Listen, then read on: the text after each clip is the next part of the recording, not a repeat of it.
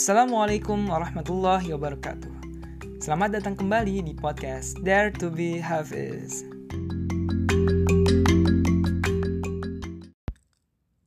أعوذ بالله من الشيطان الرجيم يا أيها الذين آمنوا لا يحل لكم أن ترثوا النساء كرها ولا تعضلوهن لتذهبوا ببعض ما آتيتموهن إلا أن يأتين بفاحشة مبينة.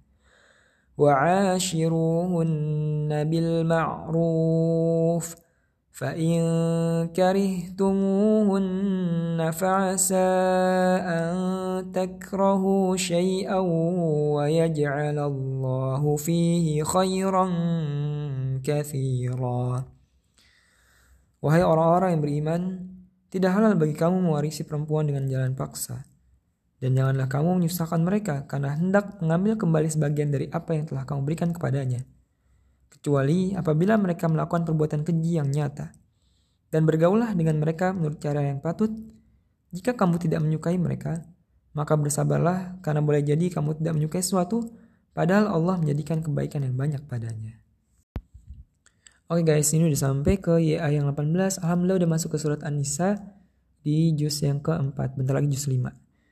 Oke, di sini uh, gue cuma pengen nambahin sedikit aja dari footnotes yang udah ada di Al-Quran terjemahan Indonesia. Di sini kan disebutkan bahwa sebenarnya tidak halal bagi kamu mewarisi perempuan dengan jalan paksa. Nah, jalan paksa ini apa sih itu? Ini di footnotesnya dibilang ayat ini tidak berarti bahwa mewariskan perempuan tidak dengan jalan paksa dibolehkan.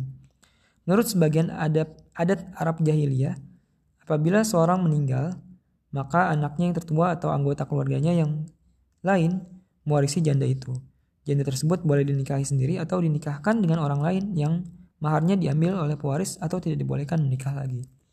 Jadi itu ya zaman dahulu wanita istri itu uh, ya istri lah. Apa bisa diwariskan gitu ya. Nah kalau di ayat ini kan nggak boleh kalau misalnya mewarisi perempuan dengan jalan paksa ya. Bukan berarti juga kalau misalnya nggak dipaksa itu boleh. Karena nanti ada nih di ayat yang halaman terakhirnya. Itu ada wala tankihu manakaha hukum minan nisa. Itu kan ada juga. Tapi ya intinya itu. Dan banyak sih pelajaran yang lainnya kan tadi yang bisa diambil juga. Termasuk salah satunya ketika jangan ngambil apa yang udah diberikan kecuali kalau misalnya emang melakukan perbuatan keji yang nyata terus juga bergaulah dengan cara yang patut dan kalau emang gak suka ya patutnya bersabar karena bisa jadi ketika kita nggak menyukai sesuatu itu ada kebaikan yang besar yang Allah berikan di sana sebenarnya kayak gitu Mungkin itu aja untuk kali ini. Wassalamualaikum warahmatullahi wabarakatuh.